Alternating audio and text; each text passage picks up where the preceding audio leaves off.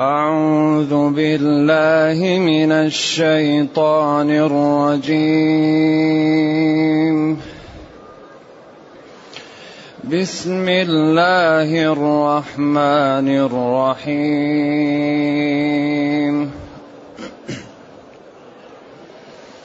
فيهما من كل فاكهة زوجان فبأي آلاء ربكما تكذبان؟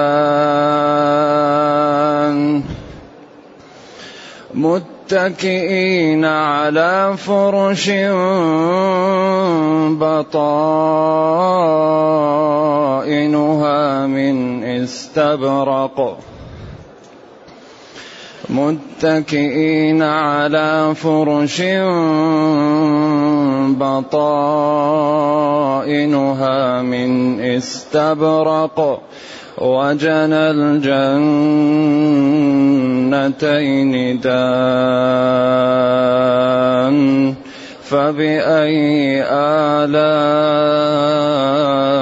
ربكما تكذبان؟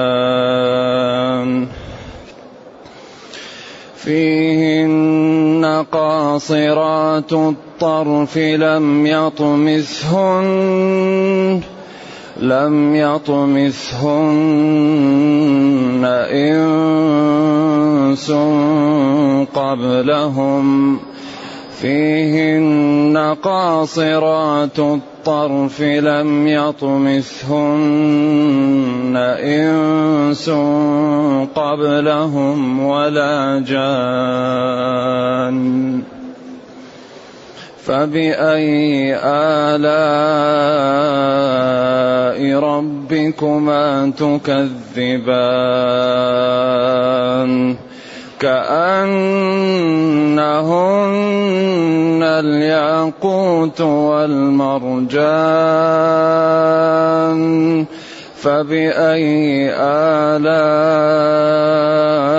ربكما فبأي آلاء ربكما تكذبان؟ هل جزاء الإحسان إلا الإحسان؟ هل جزاء الإحسان إلا الإحسان؟ فبأي آلاء ربكما تكذبان؟ ومن دونهما جنتان.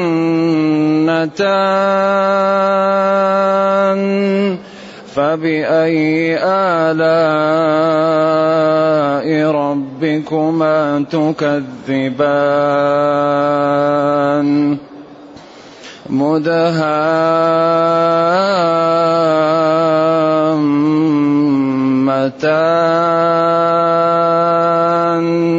فبأي آلاء ربكما تكذبان. فيهما عينان نضاختان فبأي آلاء ربكما تكذبان. فيهما فاكهة فيهما فاكهة ونخل ورمان فبأي آلاء ربكما تكذبان؟ فيهن خيرات فيهن خيرات حسان فبأي آلاء ربكما تكذبان؟ حور مقصورات في الخيام فبأي آلاء ربكما؟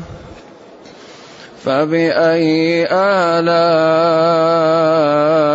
ربكما تكذبان؟ لم يطمثهن إنس قبلهم لم يطمثهن إنس قبلهم ولا جان فبأي آلاء ربكما فبأي آلاء ربكما تكذبان؟ متكئين على رفرف خضر وعبقري حسان. متكئين على رفرف خضر وعبقري حسان. فبأي آلاء ربكما فبأي آلاء ربكما تكذبان. تبارك اسم ربك ذي الجلال. تبارك اسم ربك ذي الجلال والإكرام. الحمد لله الذي أنزل إلينا أشمل كتاب وأرسل إلينا أفضل الرسل. وجعلنا خير أمة اخرجت للناس. فله الحمد وله الشكر على هذه النعم العظيمة والآلاء الجسيمة. والصلاة والسلام على خير خلق الله وعلى آله وأصحابه ومن اهتدى بهداه. أما بعد فإن الله جل وعلا يبين أوصاف هذه الجنة وما فيها من المتع والنعم والكرامة والأنس و يحب يحببها لعقلاء عباده حتى يبذلوا فيها ليكونوا من أهلها. لأن هذه الجنة يعني أوصافها عجيبة. وسبق بالأمس أن قلنا إنه جاء في هذه الآية فبأي آلاء ربكما تكذبان؟ جاءت فيها إحدى وثلاثون مرة.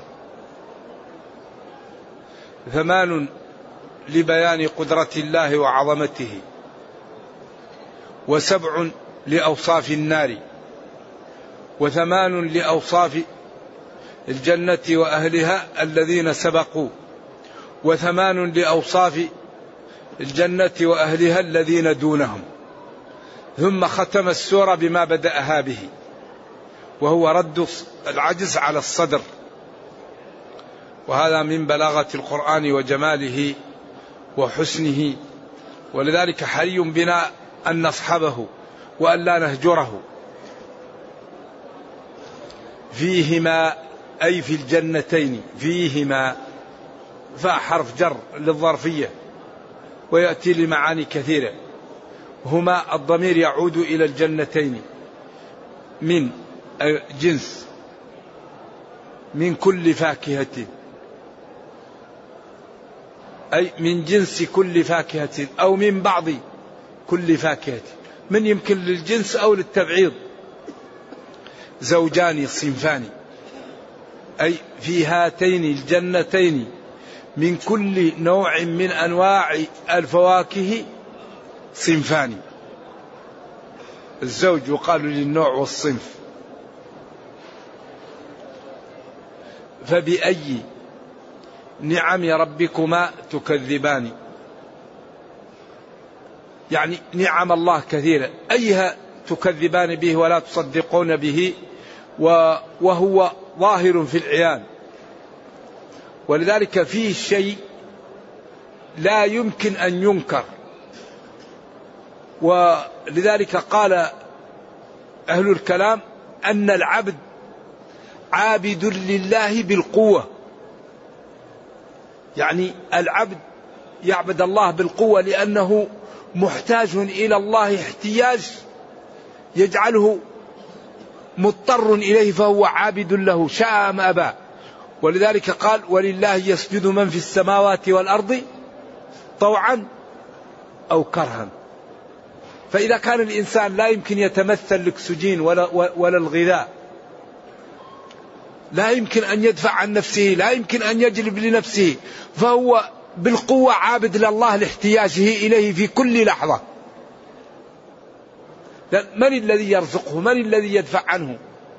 من الذي يأتيه بالليل؟ من الذي يأتيه بالنهار؟ من الذي يأتيه بالماء؟ قل أرأيتم إن أصبح ماؤكم غورا؟ كان بعض السلف كل ما رمى الدلو في البير. ووجد ماء يقول الحمد لله الحمد لله الحمد لله قالوا له لماذا؟ قال طيب إذا أصبح البير لا ماء فيه. إن أصبح ماؤكم غورا فمن يأتيكم بماء معين؟ إذا قال الله للأرض ابلعي الماء حتى يصل إلى مئات آلاف الكيلومترات تحت. طيب الناس تموت عطش. إذا هؤلاء أهل الجنة متكئين. وقلنا إن الاتكاء هو عدم الجلوس مستوي وإنما ينحرف على اليمين أو على اليسار على المرفق يقول اتكأ. أيوة. وهي جلسة المستريح متكئين على فروش جمع فراش والفراش كل ما يفرش. زرابي مبثوثة وطنافس والحجال والأريكة والرفارف شيء لا يعلمه إلا الله. قال العلماء بطائنها البطانة دائما تكون خشنة وغير جيدة وإنما يكون جيد من اللباس الذي يكون ظاهر. أما الداخل يكون خشن قال بطائنها من استبرق أي من غليظ الديباج. طيب فكيف ظاهرها يكون؟ يكون من الزبرجد من الذهب من ماذا؟ والله الحق هذه الجنة هي ينبغي أن يبذل لها. والله العاقل يبذل للجنة ما ما تضيع علينا الجنة. وما كلفنا بالمستحيل. وأكثر ما يمنع من الجنة ما هو اللسان. وما بين الفخذين. من يضمن لي ما بين لحييه وما بين فخذيه؟ هذا أكثر ما يدخل الناس النار. وأكثر ما يدخل الجنة حسن الخلق وتقوى الله حسن الخلق. ينال به الرجل درجة الصديقين. أكبر أسباب الفوز حسن الخلق. ولكن قال العلماء حسن الخلق جماعة ثلاثة كلمات أو ثلاثة معاني. بذل المعروف وكف الأذى وطلاقة الوجه هذا هو حسن الخلق. بذل المعروف للناس وكف الأذى وطلاقة الوجه. قالوا هذا هو حسن الخلق. نعم. إذا متكئين على فروش بطائنها دخيلتها من استبرق من الدباج الغليظ. وجنى الجنتين دان قريب. كيف؟ قالوا من كان واقف يكون يجنيه ومن كان جالس يكون يجنيه ومن كان متكئ يجنيه الغصن يقرب منه على قدر حاجته. ويأخذ ما يحتاج من الفاكهة. ثم يرجع. وإن أراد الولدان والأكواب والأبارق يأتوا ويصبون له ويجنون له. ما يريد فيها ما تشتهيه الأنفس وتلذ العين. فيها ما لا عين رأت. ما يمكن أن يوصف ما في الجنة. لا مثيل لما عندنا وما في الجنة إلا الأسماء فقط. رمان رمان لكن ليس مثله. ولذلك الأنهار الأربعة كل مكدرات ما في الدنيا لا يوجد فيها. ماء غير آسن. كم من الماء الآن يأتينا آسن مغردي؟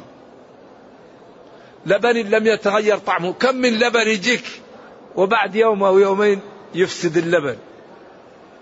خمر.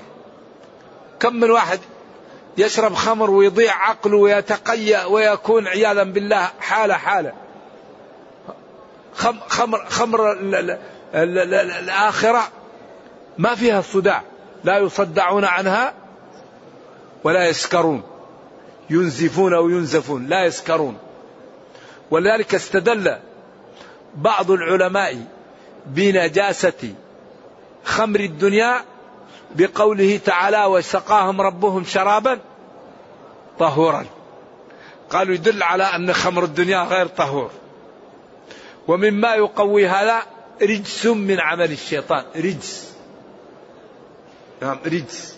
ذلك أقوى الأدلة أن الخمر نجسة لكن إذا تخللت من حالها أو نشفت طهرت صارت يابسة. نعم. فبأي نعم ربكما أيها الإنس والجن تكذبان؟ فيهن قاصرات الطرف أيوة قالوا فيهن أي في هذه الفرش.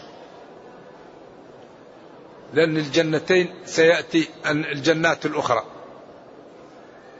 فيهن أي في, في, في هذه الفرش الموجودة أو في الجنتين والجنتين الأخريين قاصرات الطرف. قاصرات جمع قاصرة. وهذا تعبير وأسلوب يدل على عفة المرأة وتعلقها بزوجها وأنها لا حاجة لها ولا نظر لها لغير زوجها. وهذا مما يكمل المتعة والأنس. قاصرات الطرف. هذا التعبير عن أنها لا تحب إلا زوجها وأنها حيية وأنها عفيفة. وأنها لا تتطلع لغير زوجها. قاصرات الطرف. أي عفيفات مكتفيات بأزواجهن لا ينظرن إلى غيره ولا حاجة لهن في ذلك. بعدين بين حالهن وما فيهن من المتعة والمحبة لم يطمثهن إنس قبلهم ولا جان. لم يطمثهن. الطمث في اللغة اللمس. يقال هذا بعير لم يطمث حبل أي لم يركب ولم يعقل ولم يقيد. يعني من ولادته وهو لم يمس. ثم قالوا لم يطمثن لم يمسهن. وقيل الطمث هو أول اتصال الرجل بالمرأة ويكون هناك في محل الاتصال يعني مادة إذا يعني هتكت ينزل الدم فيقال طمث. الطمث أول جماع يكون بين الرجل وبين زوجته. إذا لا لم لم يجامعهن. أي والطمث هو يعني اتصال الرجل بالمرأة الذي به يزيل بكارتها. والغشاء الموجود في ذلك المحل وهو دلالة على أنها لم يقربها أحد وعلى العفة وقد تكون طبيعة غير موجودة. نعم. لكن في الغالب تكون موجودة. إنس قبلهم أي قبل أزواجهم ولا جان. قيل لم يطمث الإنس إنسي ولم يطمث الجنية جني قبلهم. وهذا يدل على أن الجن يدخلون الجنة. ولا أعلم دليلا يمنع ذلك وإن قال جلة العلماء بأنهم لا يدخلون الجنة ولا أعرف لهم دليل. لأنه قال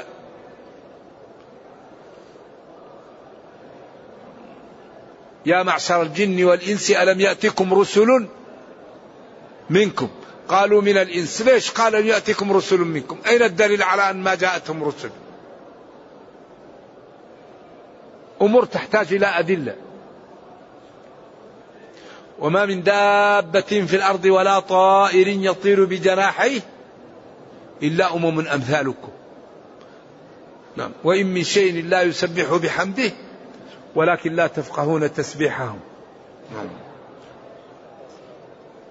لم يطمثن إنس قبلهم ولا جان. إذا قيل يطمثن يجامعهن. وقيل يطمثن أي لم يمسهن وقيل يطمثن أول مجامعة لهن. هذه أقوال. فبأي آلاء ربكما تكذبان؟ كأنهن الياقوت والمرجان. الكاف تشبيه. هن أي هؤلاء؟ الزوجات. الياقوت معروف هذا الجوهر وهذا المعدن الجميل جدا يتلألأ.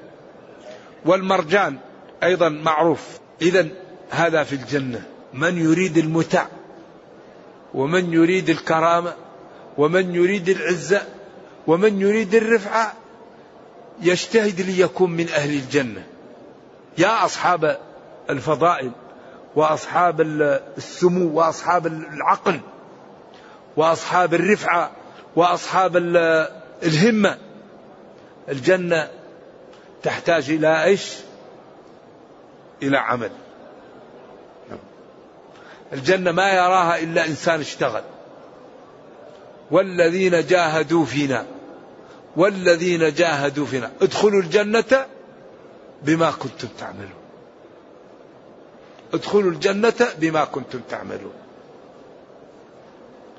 الذين يأتون ما آتوا.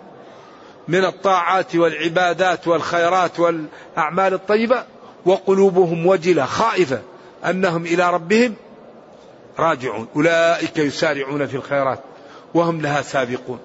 بعدين قال ولا نكلف نفسا إلا وسعها. مع هذا التشريع وهذا التكليف لا يكلف إنسان إلا بما يستطيع. فأي إنسان لا يستطيع يسامح.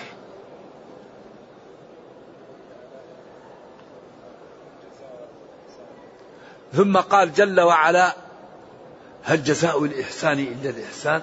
لما قال كأنهن الياقوت والمرجان. بعدين أتى بهذه الكلمة التي كررت كثير ثم قال هل جزاء الإحسان إلا الإحسان؟ هل استفهام نفي.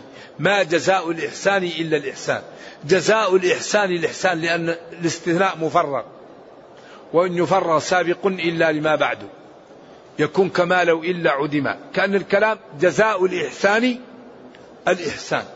أو كأنه قصر إضافي. ما عند الإحسان إلا الإحسان. إذا من أطاع الله وغض بصره وترك الربا وبر بوالديه وأكرم جيرانه وصلى من ليله وصام من بعض أيامه. الله يكرمه ويدخله الجنة. ويرفعه ويجمع شمله بأحبته الذين آمنوا في الجنة. إذا جزاء الإحسان من أطاع الله في الدنيا إلا الإحسان وهو الجنة يوم القيامة. إذا من أطاع الله أدخله الجنة. هذا هو جزاء الإحسان الإحسان. ومن دونهما جنتان. ومن دون الجنتين المتقدمتان جنتان أخرى. بعدين قال فبأي آلاء ربكما تكذبان؟ مدهامتان. اخضرت اخضرت حتى صارت مثل شبه السوداء لقوة الاخضرار. لأن إذا اخضرت كثير تكون كأن فيها نوع من السواد لشدة الاخضرار. فبأي آلاء ربكما تكذبان؟ فيهما أي في الجنتين الأخريين عينان نضاختان. يعني تفور فوارتان بالماء. أما الأول الجنتان الأوليان عيناها عيناها تجريان. فيهما عينان تجريان. أما الجنتين الأخريين فيهما عينان نضاختان تنضخ. ما تجري. إذا قالوا إن هذه الجنتان الأوليان للذين ذكرهم في الواقعة بعد ذلك. أيوة. قال أن الناس ثلاثة أصناف. أزواجا ثلاثة فأصحاب الميمنة وأصحاب المشأمة ما أصحاب المشأمة. ثم السابقون السابقون. فالجنات الأربعة للسابقون. أما الجنتان لأصحاب الميمنة. إذا قسم الناس إلى ثلاثة أصناف. سابقون وداخلون الجنة. نعم. وقد قسمهم في سورة الملائكة. سورة فاطر. جعلهم ثلاثة أصناف لكن كلهم من أهل الجنة. قال ثم أورثنا الكتاب الذين اصطفينا من عبادنا. فمنهم ظالم لنفسه ومنهم مقتصد ومنهم سابق بالخيرات. قالوا قدم الظالم لنفسه لكي لا يقنط وأخر السابق للخيرات لكي لا يغتر بعمله فيحبط. وقالوا هذه الواو حق لها أن تكتب بماء الذهب. جنات عدن يدخلونها. الثلاثة. هذه الواو تكتب بماء الذهب لأنها ذلك أمة. يعني الذي ظالم لنفسه يقدم حتى لا يقنط. أمة مرحومة. كنتم خير أمتي.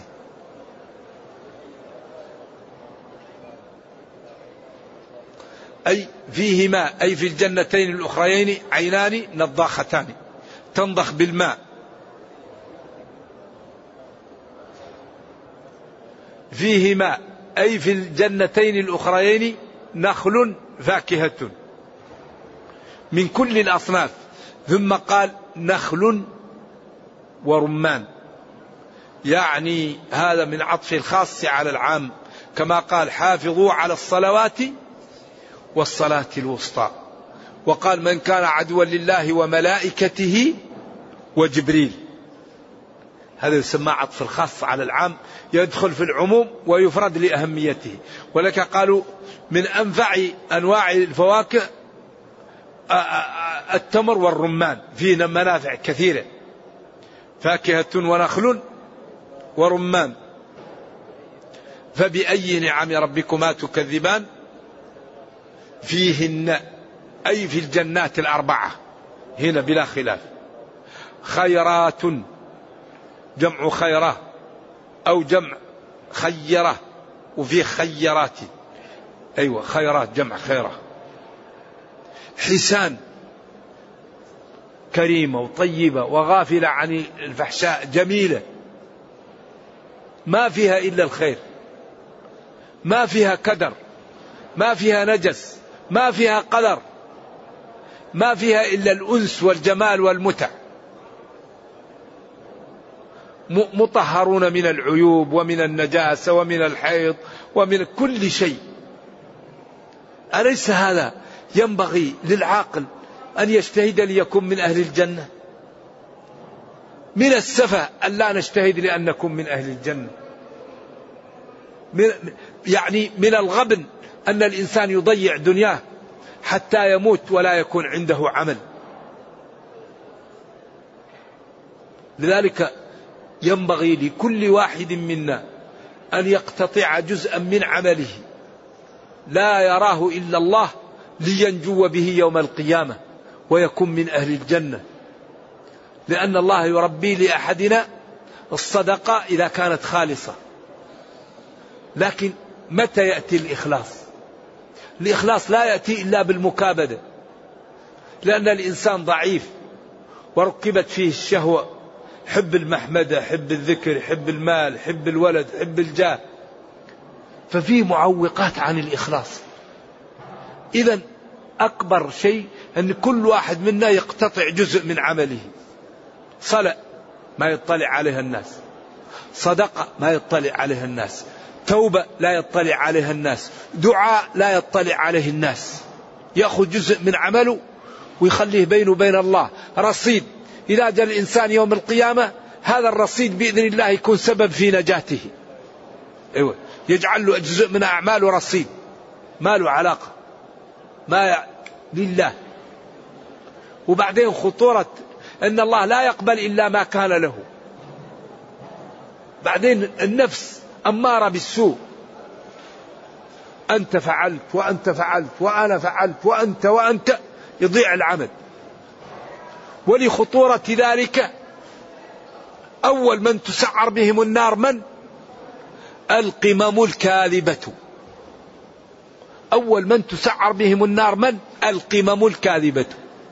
عالم تعلم. وكان يعلم الناس ليقال عالم عالم. فقال لما علمت؟ قال علمت في, في, في سبيلك. قال كذبت. تعلمت ليقال عالم أو علمت ليقال عالم وقد قيل. وقد قيل. الجواد. أعطيت في سبيلك فيقال له كذبت. أعطيت ليقال جواد كريم وقد قيل. لما قتلت؟ قتلت في سبيلك؟ يقال كذبت. قتلت ليقال جريء أو شجاع وقد قيل. اذهبوا اعلموا اذا ولذلك كان النبي صلى الله عليه وسلم في حجة أبي بكر بن الناس يقول اعلموا أنه لن يدخل الجنة إلا نفس مؤمنة. يأمر أربع كلمات. ومن جملتها لن يدخل الجنة إلا نفس مؤمنة. والعمل إذا لم يكن لله لا يقبل. لا يقبل الله إلا ما كان له. لكن الإنسان يمكن أن يصلح نيته. ويعلم أن البشر عاجزون. لا يمكن أن يدفعوا عنك ضر ولا يجلبوا لك خير وأن الله هو القادر الغني الكريم الذي يعطيك ويدفع عنك ويمنع عنك. فكيف تشتغل للعاجز وتترك القادر لا تشتغل له؟ أليس هذا سفه؟ فالعقل يشتغل لله ويدعو الله ويرجو الله ويتحرك لله. أما البشر فهم عاجزون فلا يشتغل واحد إلا لربه. وأعماله تكون لله عند ذلك يربح وينال الجزاء.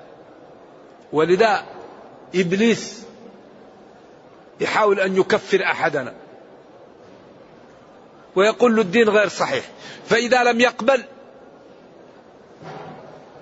يحاول أن يسوف به.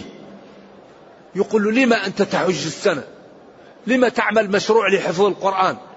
لما تبدأ مشروع آه، يعني لوقف وتبنيه وتتصدق يسوف بك. أنت الآن مشغول. أجل هذا.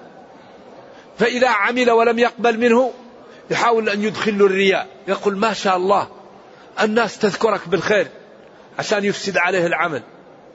فإذا لم يقبل يشغله بالمفضول عن الفاضل. إذا أربعة طرق يحاول يكفرك. فإن لم يستطع يحاول أن يعلقك. فإن لم يستطع يحاول أن يدخل لك الرياء. والسمعة. فإن لم يستطع يحاول أن يشغلك بالمفضول عن الفاضل. تريد أن تلقي درس يقول لك مالك ومال الدروس اجلس في بيتك. تريد أن تزور مريض يقول لك مالك ومال زيارات الناس اجلس في بيتك. تريد أن تصلح ذات بين يقول لك يا أخي إيش لك وش للناس؟ روح اجلس في بيتك.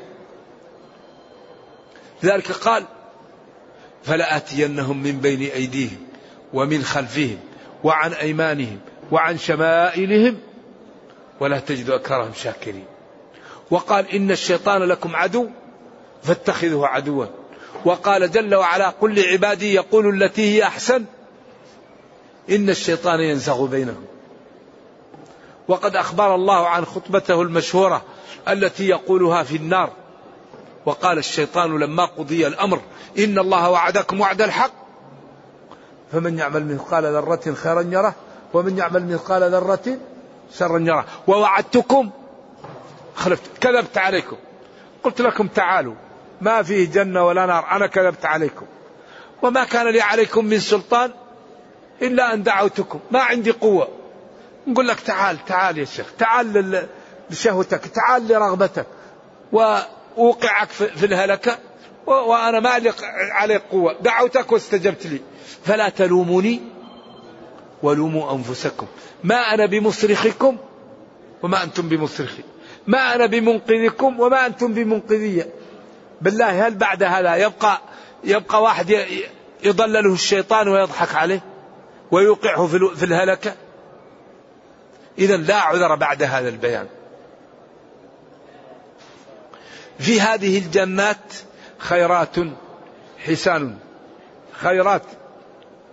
زي ميت من ميت وخيرة من خيرة أصلها تخففت حسان جميلات لا يوجد فيها ما ينغص. جمال وحسن وأدب عرب أتراب لأصحاب اليمين. مطهرات من كل نجس وقذر وحيض ونخامة وأي شيء يكدر. حور ناصعات بياض العيون وناصعات سواد العيون هذه الحوراء. بياضها ناصع وسوادها ناصع. يقال لها حوراء. عين واسعات العيون. وهذا في النساء جميل. أن تكون المرأة بياض عينها ناصع وسواد عينها ناصع. ولذلك زرق العيون عيب. في عرف العرب الذين نزل القرآن بلغتهم. ولذلك قال الشاعر وللبخيل على أمواله علل زرق العيون. يعيب عليها وجوه السود نعم. حور جمع حوراء مقصورات. مقصورات قصر كرامة وقصر رفعة وعزة وصون. لا قصر حبس وإهانة. يعني ما تحتاجه يأتي لها. في الخيام وهي من اللؤلؤ والجوهر. خيمة من اللؤلؤ فرسخ في فرسخ. كيف؟ هذا شيء لا يعلمه إلا الله. والخيام البيوت التي تكون أصلها من الخشب أو من الشعر. وهذه خيام من اللؤلؤ والمرجان. وهي مقصورات فيها قصر عزة واحترام وكرامة وتبجيل. ما تحتاج تخرج لأن كل ما تحتاج إليه يأتيها. هي تزار.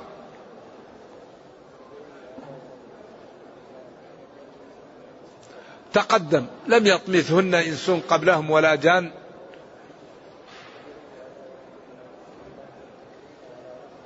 متكئين على رفرف.